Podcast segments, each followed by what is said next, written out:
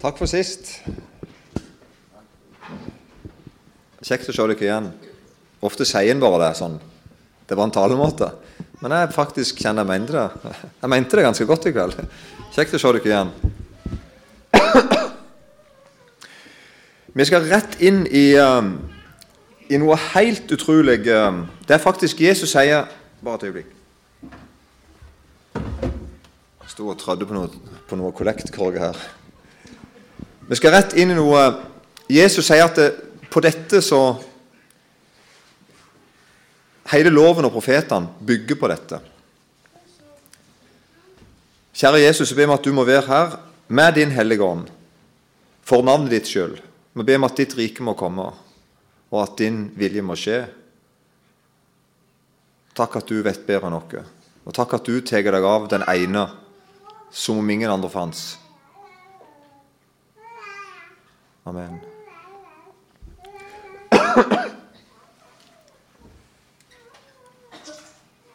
Han er ånd.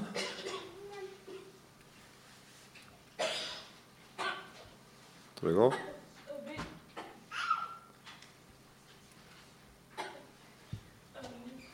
Det er bare litt tekniske problem.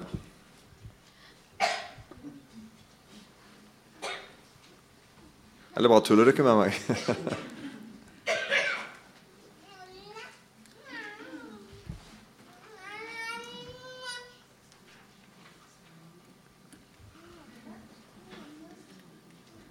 faktisk jeg som trykte feil. Jeg må trykke bakover. Da går han framover. Okay. Da leser vi eh, her fra Lukas 10, Lukas 10 og vers 25 og utover noen vers.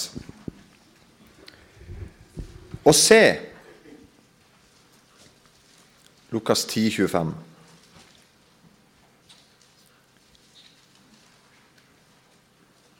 Og se, en lovkyndig sto fram og fristet ham og sa, Mester, hva skal jeg gjøre for å arve evig liv?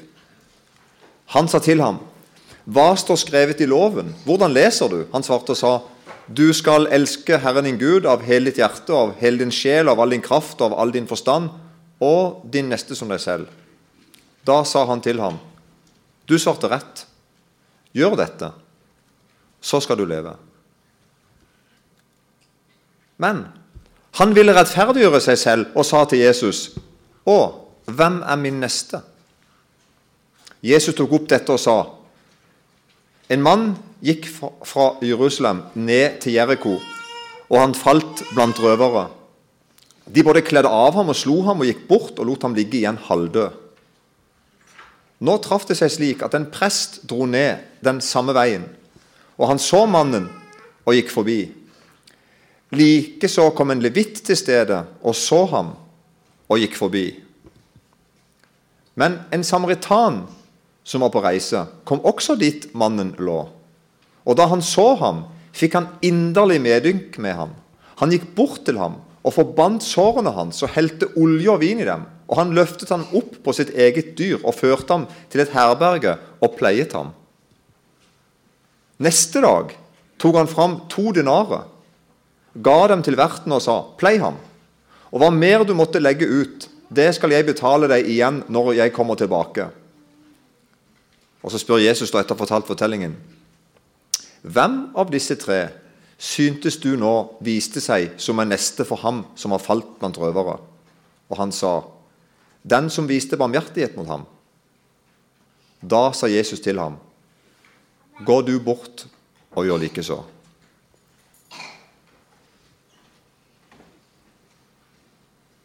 Vi skal dele denne teksten iallfall i kveld og i morgen. Uh, så vi stopper sånn halvveis i kveld, så det blir, det blir mer i morgen. Men uh, vil, uh, det er noe som er blitt veldig nytt og godt for meg, som jeg vil dele med dere nå i kveld. Håper ikke det oppleves tungvint eller kverulerende eller noe sånt. Dette her er ikke en lignelse om at du bør være god mot din neste. Og med, det så mener jeg altså som i gi litt mer penger enn du gjør i dag, eller vise litt mer omsorg, eller be for fattige og, og håpløse, eller kjøpe gatemagasin på kjøpesenteret, eller være med i en hjelpeorganisasjon. Er du ikke med? Dette er ikke, en, dette er ikke en fortelling som på en måte skal appellere til det at du kunne kanskje ha gitt en hundrelapp mer i kollekt. Kjenn litt på det. Eller det, det er altså ikke en lignelse som ønsker å gi deg dårlig samvittighet for at du kunne ha gitt litt mer kollekt. Bare sånn at vi sorterer litt. Det er ikke det Jesus prøver å fortelle.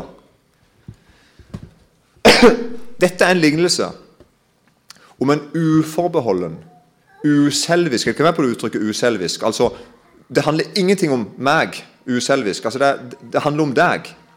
Sånn en type kjærlighet en, det handler om en uforbeholden, uselvisk, ufortjent, ren og hellig kjærlighet. Å elske noen sånn som Gud sier vi skal, er å elske sånn som samaritaneren. Er det ikke med? Det er det fortellingen handler om. Å elske Gud sånn som jeg og deg både skal og må, det får oss til å elske sånn som samaritaneren gjør. Samaritaneren sin kjærlighet har du bare vist mot én person. Det er min påstand, da. Stopp igjen etterpå hvis du er enig. Jeg tror det er én person du har vist Bortimot iallfall en sånn kjærlighet som samaritaneren hadde. Der du, som, du ser en som ikke spør om hjelp engang, og du tar han opp og du pleier han akutt der og da. og du, du, du, stopper alt du egentlig har tenkt å gjøre den dagen for å som være med denne fyren du traff som hadde falt blant røvere. Og du ber han av sted til en plass der noen kan passe enda mer på han. Og du sier til folkene der at hvis han bare lar han være her til han er frisk, og hvis han jeg kommer tilbake om noen dager, da skal jeg betale mer. og Det er bare én person som jeg og deg har vist en sånn kjærlighet mot, tenker jeg da. Da kan jeg snakke for meg sjøl. Og det er meg. Er det ikke sånn med deg òg? Det er bare én person du på en måte har en så total omsorg for at du er villig til å sette av hele dagen hvis det oppstår en krise. Uansett. Du stiller opp, liksom. Nesten uansett. Og Her sier altså Jesus at vi skal elske vår neste sånn som vi elsker oss sjøl. Så vi kjenner litt til hva denne kjærligheten handler om. Iallfall gjør jeg det når jeg er forkjølt eller vondt i kneet eller noe. Saken her er at Jesus sier til han mannen at hvis jeg ikke elsker sånn, sånn som denne samaritaneren gjør, så skal jeg ikke arve evig liv.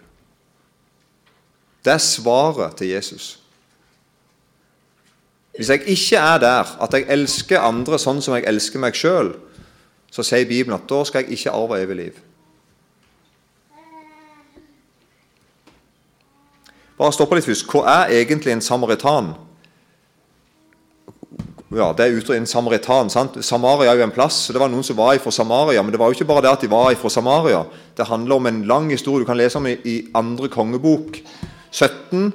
Og i Esra har jeg sett her, i, i Esra, særlig det fjerde kapittelet, så leser vi om samaritanerne. De var på en måte ikke rene jøder.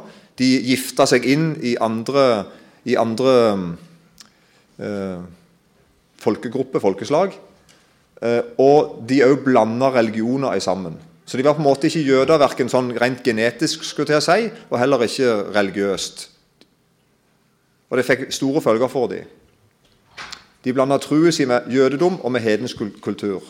Og faktisk I Esra 4 så står det om at de fikk ikke lov til å delta når de skulle bygge opp igjen tempelet. Og De bygger opp sin egen helligdom. Og Nå snakker vi om mange hundre år før Jesus sto og fortalte fortellingen om samaritanerne. Så mange hundre år før Jesus brukte en, en fra Samaria som et eksempel. Mange hundre år før der så var det en fiendskap og et skille mellom en samaritaner og en jøde. En samaritaner var egentlig noe av det verste du kunne være. Der står i Johannes 4,9 jøder har nemlig ikke omgang med samaritanere. Bare sånn en opplysning, liksom. Jøder, jøder var ikke med dem, snakket ikke med dem. Besøkte de ikke. Unngikk å være der de var. Så altså Mange hundre år med hat og fiendskap, der noe er sant og noe er usant, blanda med religion og politikk og kultur, er det ikke med? bare sånn i supper på en måte med ting. Et fiendskap som hadde liksom bare blitt en tilstand. Det bare er sånn. Jeg liker ikke samaritanere. Jeg holder meg unna dem. Det ble til med et skjellsord. Se hva de sier til Jesus. En gang Jesus virkelig utfordrer jøder, så sier jødene til ham Sier vi ikke med rette at du er en samaritan og en besatt? Det, sånn, det var to stygge ting de sa om Jesus. Du er, en, du er besatt, og du er en samaritan. Så, så ille var det å være samaritaner.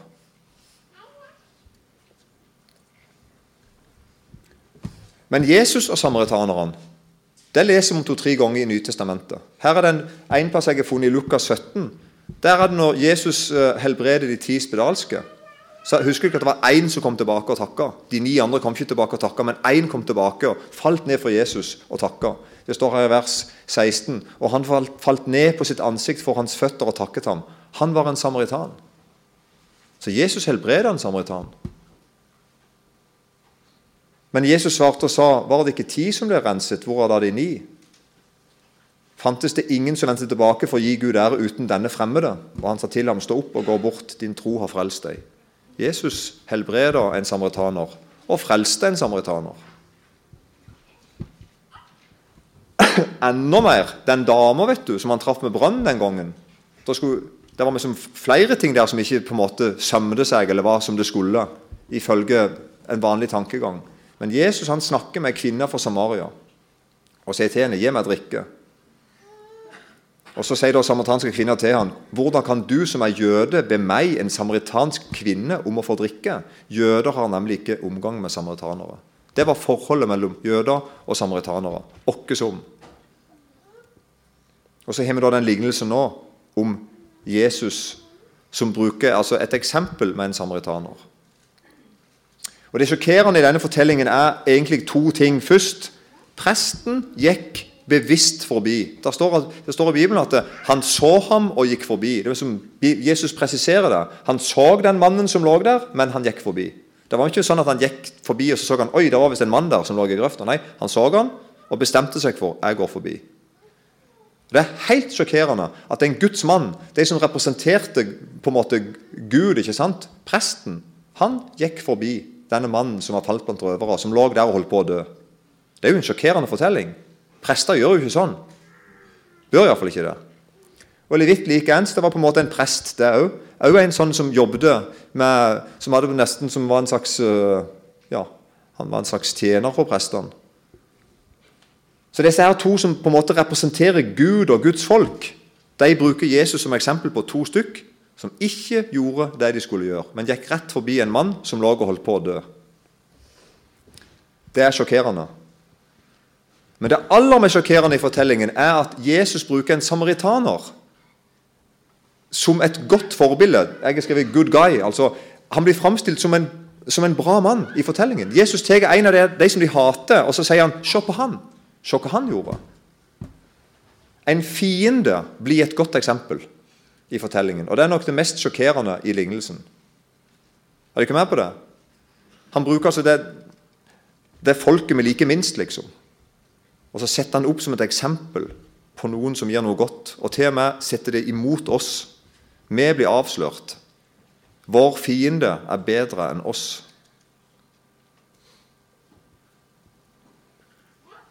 En som ikke fortjener å bli elska. Nå tenker jeg på han mannen som ligger der. Han blir redda ut av en vanskelig situasjon. Han kunne ha dødd uten den hjelpa. Han han var halvdød, står det. Så han fikk på en måte akutt hjelp der og da, i grøftekanten. Ble hjulpen av samaritaneren, sånn at han overlevde. Han, ble, han, var, han ropte ikke om hjelp engang, han bare lå der halvdød. Og han ble brukt tid og krefter på. Han ble garantert pleie framover. To denarer. Noen mener at det var kanskje nok til å være på herberg i et par måneder. Jeg vet ikke. Men det var iallfall ganske lenge. Og han mannen sa, samaritaneren sa at når disse pengene er oppbrukt, så kommer han tilbake og betaler mer.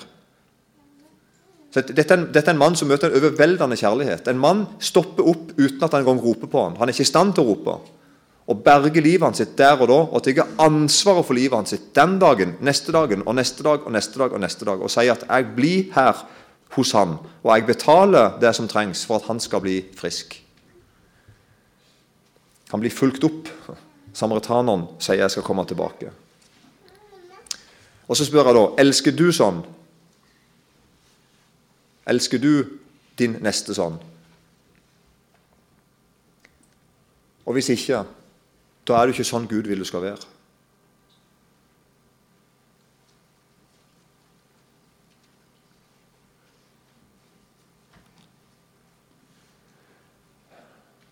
Uten nåde fra Gud vil du ikke arve evig liv, sånn som mannen spør Jesus om.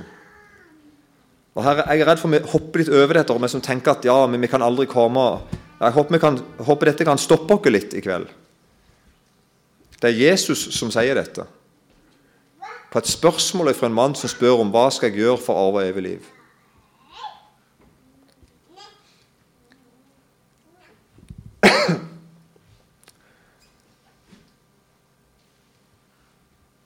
Og Da sier altså Jesus til han, hva står skrevet i loven? Hvordan leser du? Han svarte og sa du skal elske Herren din Gud av hele ditt hjerte, av hele din sjel, av all din kraft, av all din forstand, og din neste som deg selv.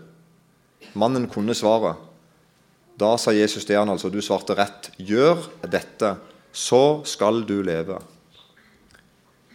Og Da vil jeg si noe om min neste. Eh, på Jesus' i tid, og også nå altså, men også på Jesus' i tid, så forsto mange bud om å elske sin neste som seg sjøl. De forsto det dette Jeg håper du kan henge med på dette, her, for det er et viktig poeng for meg. Um, altså De, de forsto budet om å du skal elske din neste som, seg, som deg sjøl. De forsto det ved å stille et spørsmål tilbake. Uh, hvem er min neste? Det var, det var, det var sånn de oppfatta budet. Er du med på den? Du skal elske din neste som deg sjøl. Ok, uh, hvem er det? Hvem, er jeg skal gjøre, hvem er det jeg skal gjøre det med? Det, var sånn de forsto spørsmålet. Og Da avslører en noe sånn fundamentalt feil i tanken. Det er tydelig at tanken er at å elske det er noen, altså Jeg skal elske noen som fortjener det. Noen utvalgte. Så når, når Gud, Guds ord det står i, i, i Gamle Testamentet òg Gud møter folket sitt og sier dere skal elske nesten dere som dere sjøl, så spør, tenkte folk OK, hvor mange gjelder det? Fem? Eller 13? Eller 22? Eller, skjønner du? Gjelder det de på jobben? Gjelder det de som heier på samme fotballag som meg? Eller, skjønner du ikke? Altså, hvem, hvem, denne, hvem skal dette budet gjelde? Og Derfor så spør de altså hvem er min neste. Det var sånn en automatisk, som nesten en refleks når de møtte budet. Hvem er det? Og så underforstått og når du sier det, Jesus, så skal jeg og henne elske dem. Sånn som meg sjøl. Så altså i møte med 'du skal elske de neste som deg sjøl', så gjorde fariseeren Vi kaller jo det for den gylne regel. ikke sant? Den gylne regel. Det gjorde den regelen om til med sånn, nærmest sånn religionfilosofisk spørsmål. Diskuterte med hverandre og også med Jesus. da. Hvem er egentlig dette her, som vi skal elske som oss sjøl? Og, ja. og tenk enda verre. Matteus 5, 43. Så langt jeg forstår, det er Jesus som sier det. Dere har hørt det sagt du skal elske din neste og hate din fiende. Og Jeg har tenkt helt til for fire uker siden, kanskje en måned Ja, det er det samme, det er ikke det? Fire uker, en måned, er ganske samme. Cirka en måned siden. Så jeg har tenkt at det, er, det er, en plass i Gammeltestamentet. For det er sant, når Jesus I Matteus 5, og 6 og 7 så sier Jesus ofte 'du har hørt det sagt', og så siterer han en, plass, så siterer han en ting fra Gammeltestamentet. ikke sant? Og så har han en kommentar på det. For eksempel, 'Dere har hørt det sagt, du skal ikke drive, du skal ikke drive hor'. Men jeg sier dere, den som ser på en kvinne for å begjære henne. ikke sant? Da viser Jesus til et bud. Men så langt jeg forstår, så står det ikke en plass i Bibelen at du skal hate din fiende. Så her sier Jesus til, til disiplene sine i Matteus 5 Dere har hørt det er sagt, at du skal elske de neste og hate din fiende. Men det er ikke sant. Det var ikke jeg klar over. Jeg har aldri tenkt på det før. Så han sier egentlig at du ikke har hørt noe som er feil. Du ikke har hørt en, ikke hørt en forståelse av det å elske de neste som at du skal elske vennene dine. Er på den? Og så skal du fortsatt hate fiendene dine. Uhyggelig forståelse. Så altså med andre ord hvem er min neste? Det er iallfall ikke fiendene mine. Det er iallfall ikke han, det er iallfall ikke hun, det er iallfall ikke deg. Det må være noen få. Og Mange altså forsto du skal elske de neste som deg sjøl ved å spørre hva betyr 'som deg sjøl'. Kan diskutere det òg. Så svaret deres ble da at du skal ikke gjøre mot det neste det du ikke vil at det neste skal gjøre mot deg. Nei, Det er litt tungvint, er det ikke det? Er det, er det for tungvint? Er du ikke med? Så I stedet for å si at du skal elske nesten som deg sjøl, så sier vi du skal ikke gjøre noe mot folk som du ikke vil de skal gjøre mot deg. Men på den en slags negativ forståelse av det. Hvis ikke du liker å få en snøball i trynet, så ikke hiv snøball i trynet på andre. Sant? Litt sånn.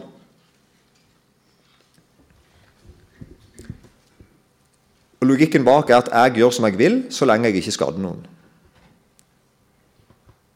Jeg kommer jo fra Kristiansand-området, der vi har Kardemomme.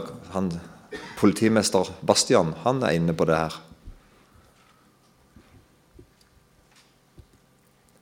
Vi skal elske vår neste, men hvem er egentlig vår neste? Jo, sier vi da. Det er de som ikke er våre fiender. Bibelen tar et oppgjør med dette, et skikkelig oppgjør med en sånn kjærlighet, og sier at dette er ikke spesielt kristelig. Alle liker jo vennene sine. Alle er jo greie med de som er greie med, med, deg, med, med meg. ikke sant? Det er jo helt logisk. Det, det er ikke dette som er nestekjærlighet. Så jeg har kalt det for gjensidighet. Ikke sant? Det er bare vanlig og logisk, egentlig. Egentlig ikke kjærlighet, men gjensidighet. Hvis ikke du er stygg med meg, så skal ikke jeg være stygg med deg. Ikke sant? Og Så tenker vi at det er kanskje dette som er kjærlighet. Og Nå skal vi gå inn på Human-Etisk Forbund sine sider. Jeg liker faktisk å gå inn på deres sider. Jeg, eh, sånn Generelt så er veldig mange av dere medlemmer øh, over snittet interessert i det vi snakker om nå. Og Når de skal presentere, når Human-Etisk Forbund skal presentere hva de holder på med, hva de tenker om det vi snakker om nå, så sier de sånn Dette er helt bare, Jeg har bare kopiert Eh, noen overskrifter i, på deres nettsider der de presenterer på en måte hva er livssynet til Human-Etisk Forbund. Og Det er veldig interessant, for de sier det her at alt dere vil at andre skal gjøre mot dere, skal også dere gjøre mot dem, sa Jesus ifølge Bibelen. Og Det er riktig, det står i Matteus. Og så fortsetter de da. Skad ingen, slik at, dere, slik at dere ikke skades, heter det at profeten Mohammed sa i sin avskjedstale til muslimene. Det samme prinsippet fins i andre religioner også, og kalles gjensidighetsprinsippet, eller den gylne regelen. Denne regelen kan formuleres på mange forskjellige måter, men betyr alltid det samme. kolon. Du skal oppføre deg ordentlig mot andre for at andre skal oppføre seg ordentlig mot deg. Henger ikke med på dette her? Og Jeg har hørt dette sagt av eh, ledere i Human-Etisk Forbund. altså at Den gylne regel er, det, det, er noe, det er, ikke typisk bibelsk. Det er noe vi finner i alle kulturer, i alle religioner, i alle store filosofier. Så er det en eller annen form for den gylne regel. Og det er det de sier her. De alminneliggjør det sier at det er ikke noe spesielt bibelsk for eksempel, med den gylne regel. Det er en allmenn, en tanke. Den er ikke religiøs engang. Her kommer neste side. Det er enda gøyere. Nå bare fortsetter det. Man trenger selvfølgelig ikke være religiøs for å være enig i den gylne regelen. Og humanister slutter seg helhjertet til den. For det er selvfølgelig ikke slik at man blir mindre moralsk selv om man ikke tror på en gud. Er du med? Det er liksom tanken. Og saken er at Dette er for meg kliss likt det jeg tenker om nestekjærlighet. nesten.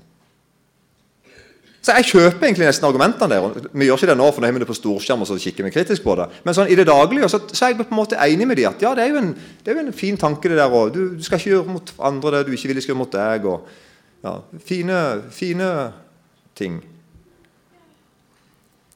Men så, det, Nå er vi vekke fra Humanisk Forbund. Er det jeg som skriver igjen. Jeg skriver hvitt på svart. Her så det er mer sånn grønt eh, på svart. Forskjell eh, Bibelens nestekjærlighet forsøkes dras ned i det alminnelige og logiske. Gjensidighetsloven er vanlig og logisk. En trenger ikke være religiøs for å være enig i logikken, men Bibelen, for, Bibelen sin forkynnelse om å elske sin neste som seg sjøl er sjokkerende annerledes. Jeg vet ikke, ikke tak i dette her? Det er noe helt annet vi snakker om enn dette her. Nestekjærligheten som vi leser om i Bibelen, den lar seg ikke, den, den lar seg ikke engang sette inn i en budform. Noen tenker sånn at vi skal snu det andre kinnet til, sier Jesus. Og så tenker vi kanskje noen ganger at det er et bud. Altså Det er et bud at eh, vi skal slå det andre kinnet til. det står, Og så står det om noe om at hvis noen ber deg om jakka di, så skal du gi dem skjorta di òg. Ja, det er to, så da har vi to regler. så det er altså en, en, sånn har en kinnregel, og så har vi en skjorte- og kapperegel. Men vi forstår det er jo ikke sånn. Vi ser jo at det, det, det, er noe, det, er noe, mye mer Jesus sier. Jesus sier at det er et prinsipp, det er en holdning, det er et hjertelag, det er et sinnelag. Det er en måte å være på, en måte å elske på, som er ekstremt annerledes enn alt annet. Er det ikke med? Så Du skal ikke bare snu det andre kinnet til, du skal snu det andre hånda til, eller ryggen til, eller rumpa til. eller hva Det måtte være. Det er, er hele deg som skal snu det andre, andre tingen til. Er, ikke, det, er ikke en, det er ikke en kinnregel. Er det ikke med? Det er noe mye større. Det er et prinsipp, hvis du skjønner. Altså en, en livslov. eller det er alt jeg sa nå i stad. Langt utover de eksemplene som, som, Jesus gir. Det er noe enormt noe. Så Hvis du vil ta Bibelen bokstavelig, så ser du at den gylne regel er langt mer enn regler. Men dette trenger du å være født på ny for å være enig i. Og Derfor tenker jeg sånn som Human-Etisk Forbund sier, at du, du trenger ikke være religiøs for å være enig i den gylne regel. Jo, det trenger du. Eller det vil si, du trenger å være kristen. Du trenger å være født på ny og kjenne Gud. Du trenger å ha møtt en som elsker på en helt annen måte enn noe annet du noen gang har sett. Jesus sin kjærlighet fins ikke logisk. Han fins ikke forståelig. Og, og Jeg kan på ingen måte med som støtte, med som, ja, jeg, støtter den kjærligheten. sånn. Du må oppleve den. Det holder ikke å være med i en klubb som heier på Jesus innelag, sier jeg. Så for du som kjenner Jesus, så kjenner du at det, når jeg er enig i dette her, så gjør jeg etter det. Jeg praktiserer det. Det gjør noe med meg. Jeg, ja. Så altså de, eh, Nå er det sitat fra Humans Forbund, grønn. Alt dere vil at andre skal gjøre mot dere, skal også dere gjøre mot dem, sa Jesus ifølge Bibelen. Og Så sier jeg da ja, det er et sitat fra Bibelen, men egentlig ikke, for alt er ikke sagt. Jesus sier noe mye mer. Han sier ikke bare det om den gylne regel. Hør her, f.eks. Matteus 5, 43-45. Dere har hørt det sagt, du skal elske din neste og hate din fiende, men jeg sier dere, elsk deres fiender.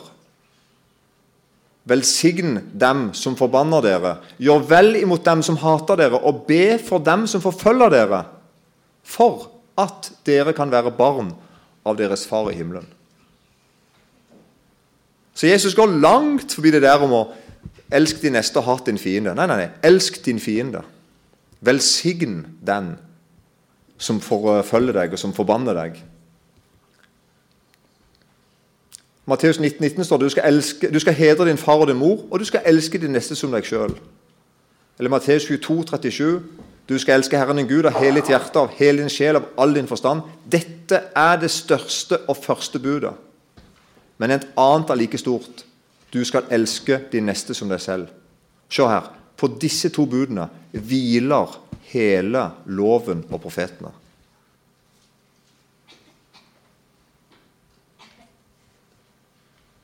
Og Dette vi snakker om nå, det skiller kristendom ifra alt annet.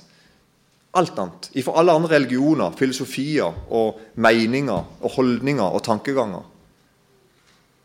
Jesus sin forkynnelse om å elske nesten sin som seg sjøl skiller seg aldeles ut. Markus 12, 30, og du skal elske Herren din Gud av hele ditt hjerte, av hele din sjel, av all din fornuft og all din makt.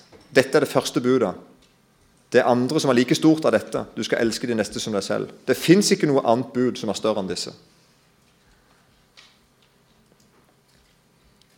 Lukas 10, 27, som vi har lest om nå. Du skal elske Herren din Gud av hele ditt hjerte, hele din sjel, av all din kraft, av all din forstand, og din neste som deg selv. Også i Romerbrevet, Paulus skriver for disse budene du skal ikke bryte ekteskap, du skal ikke slå i hjel, du skal ikke stjele, du skal ikke begjære, og hvilket som helst annet bud, de sammenfattes i dette ordet, kolon. Du skal elske de neste som deg selv. All synd kommer ut av dette her. Jeg elsker ikke deg sånn som jeg skal, og jeg elsker ikke Gud sånn som jeg skal. Alle bud hviler på dette. Hele loven og profetene. Derfor er det helt feil å si at ja, ja, det der med, det der med den gylne regel, den, den, tommel opp, det er en bra regel. Veldig bra filosofi. Nei, Jesus går langt, langt forbi det der ytre, alminnelige og logiske. Og sier faktisk at dette alt dreier seg om. Det er dette Moses snakker om. Det er dette Det gamle testamentet snakker om. Det er dette jeg snakker om. Det er dette, ja. For hele loven er oppfylt i ett bud, i dette. Du skal elske de neste som deg selv. Det er jo helt vilt. Har du ikke sett disse versene før? Galaterbrevet 5,14. For hele loven er oppfylt i ett bud i dette. Du skal elske de neste som deg selv.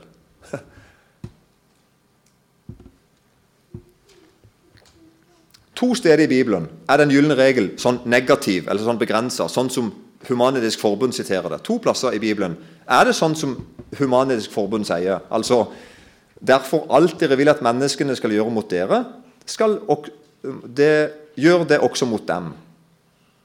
Dermed som en tanke om at hvis jeg skal være god hvis du er god, på en måte, og omvendt. Men dette står allikevel inn. Der står et 'derfor' i vers 12. Så det viser, Hvis du leser sammenhengen, ser du at Jesus forteller om at kjærligheten skal være helt annerledes enn verden sin kjærlighet. Og vi ser det best i Lukas Her tar Jesus et oppgjør med den der gjensidighet-tanken. At jeg er grei med deg hvis du er grei med meg. Hvis du er grei med meg, så skal jeg være grei med deg. Den der gjensidigheten. Jesus tar et oppgjør med det og sier at det, det kan alle. Det er ikke noe, det er ikke noe å skryte av. Se her hva han sier. Gi til hver den som ber deg, og krev ikke tilbake fra den som tar ifra deg det som, er, det som ditt er. Og som dere vil at menneskene skal gjøre mot dere, slik skal dere gjøre mot dem. Og så kommer det. Om dere elsker dem som elsker dere, hva er det å takke, det å takke dere for? Også syndere elsker jo dem som elsker dem. Og om dere gjør vel imot dem som gjør vel imot dere, hva er det å takke dere for? Også syndere gjør det samme. Altså, Jesus, Det er ikke noe å skryte av. Det at du er grei med noen som er grei mot deg, det er ikke noe å skryte av. på en måte. Det er ikke noe spesielt. Det er bare en sånn gjensidighet. Om dere låner ut til dem som dere håper å få igjen av, hva er det å takke dere for? Også syndere låner ut til syndere for å få likt igjen. Men elsk deres fiender. Gjør vel og lån bort uten å vente noe igjen. Da skal deres lønn bli stor, og dere skal være den høyestes barn. For han er god mot de utakknemlige og onde. Vær barmhjertige, liksom også deres far er barmhjertig.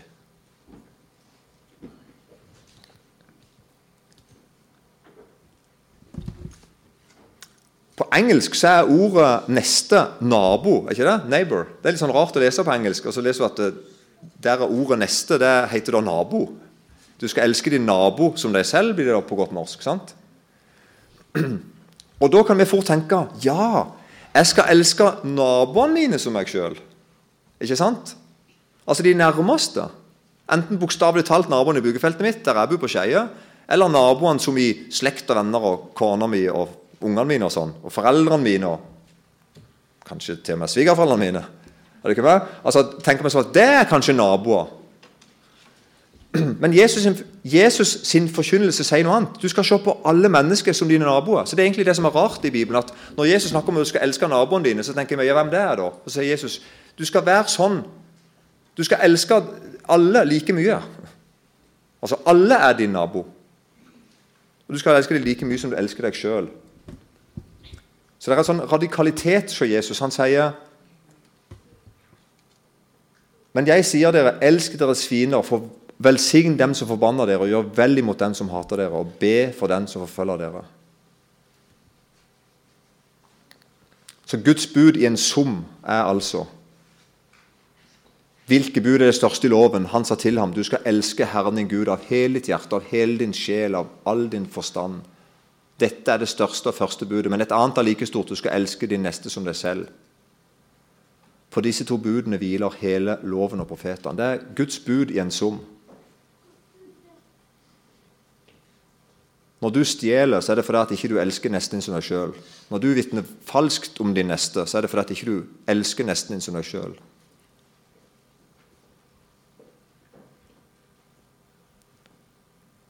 Jesus er annerledes. Gud er annerledes. Og han kaller folket sitt til å leve annerledes. Og på en måte, Det er det største vi har. Det er det mest radikale vi har. Og, og, det er så synlig. Det er så ekstremt synlig. Og vi lever i et tid vi sier at det er veldig fæl og sånn. Desto mer lyser Jesus sin kjærlighet. Desto mer ser folk nestekjærlighet. Jo kaldere det blir rundt deg, jo større blir kontrasten. Det er noen som elsker meg sånn som de elsker seg sjøl. Det er noen som er villige til å gi opp sitt for å gi til meg. Det er noen som elsker de som baktaler de, som snakker stygt om de, som ler av de, som mobber de, som erter de, som ikke bryr seg om de, som er stygge med de. De hører Jesus til.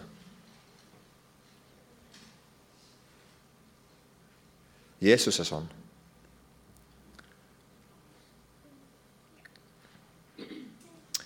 Og så trist er den fortellingen her med han mannen som kom og snakket med Jesus, som jeg, innleda med i dag. Når han da spør han, hva skal jeg gjøre for å arve evig liv, og så sier Jesus jo, du skal elske nesten som deg sjøl, så svarer han det har jeg gjort. Og så sier Jesus nei, det har du ikke. Så han sier går du bort og gjør like, så underforstått du har ikke gjort det. Begynn på det nå. Du har trodd feil om deg sjøl. Du har ikke blitt møtt av alvoret. Så mannen var ikke sånn som han sjøl trodde.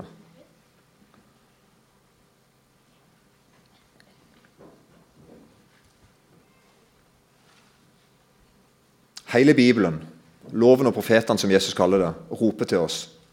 Du skal elske Gud. Og du skal elske de neste. Av hele din kraft og vilje. Hele tida, alltid. Som deg sjøl.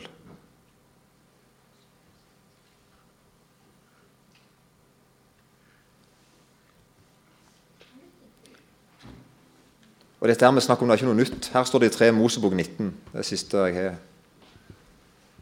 Du skal ikke gå omkring og baktale folk. Du skal ikke stå de neste etter livet. Jeg er Herren. Du skal ikke hate din bror i ditt hjerte, men du skal irettesette det neste for at ikke du skal få synd på deg for hans skyld. Du skal ikke hevne deg og ikke gjemme på vrede mot ditt folks barn, men du skal elske de neste som deg sjøl. Jeg er Herren.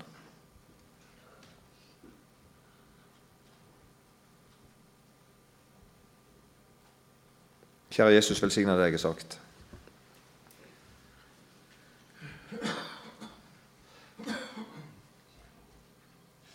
Jeg ber meg at du må få lov til å snakke med oss, livet vårt, hvordan hvordan vi lever med hverandre, hvordan vi lever med deg.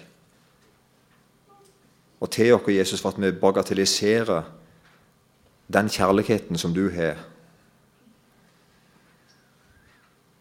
Og den kjærligheten som du har vist og viser. Takk at du elsker fiender. Du elsker meg.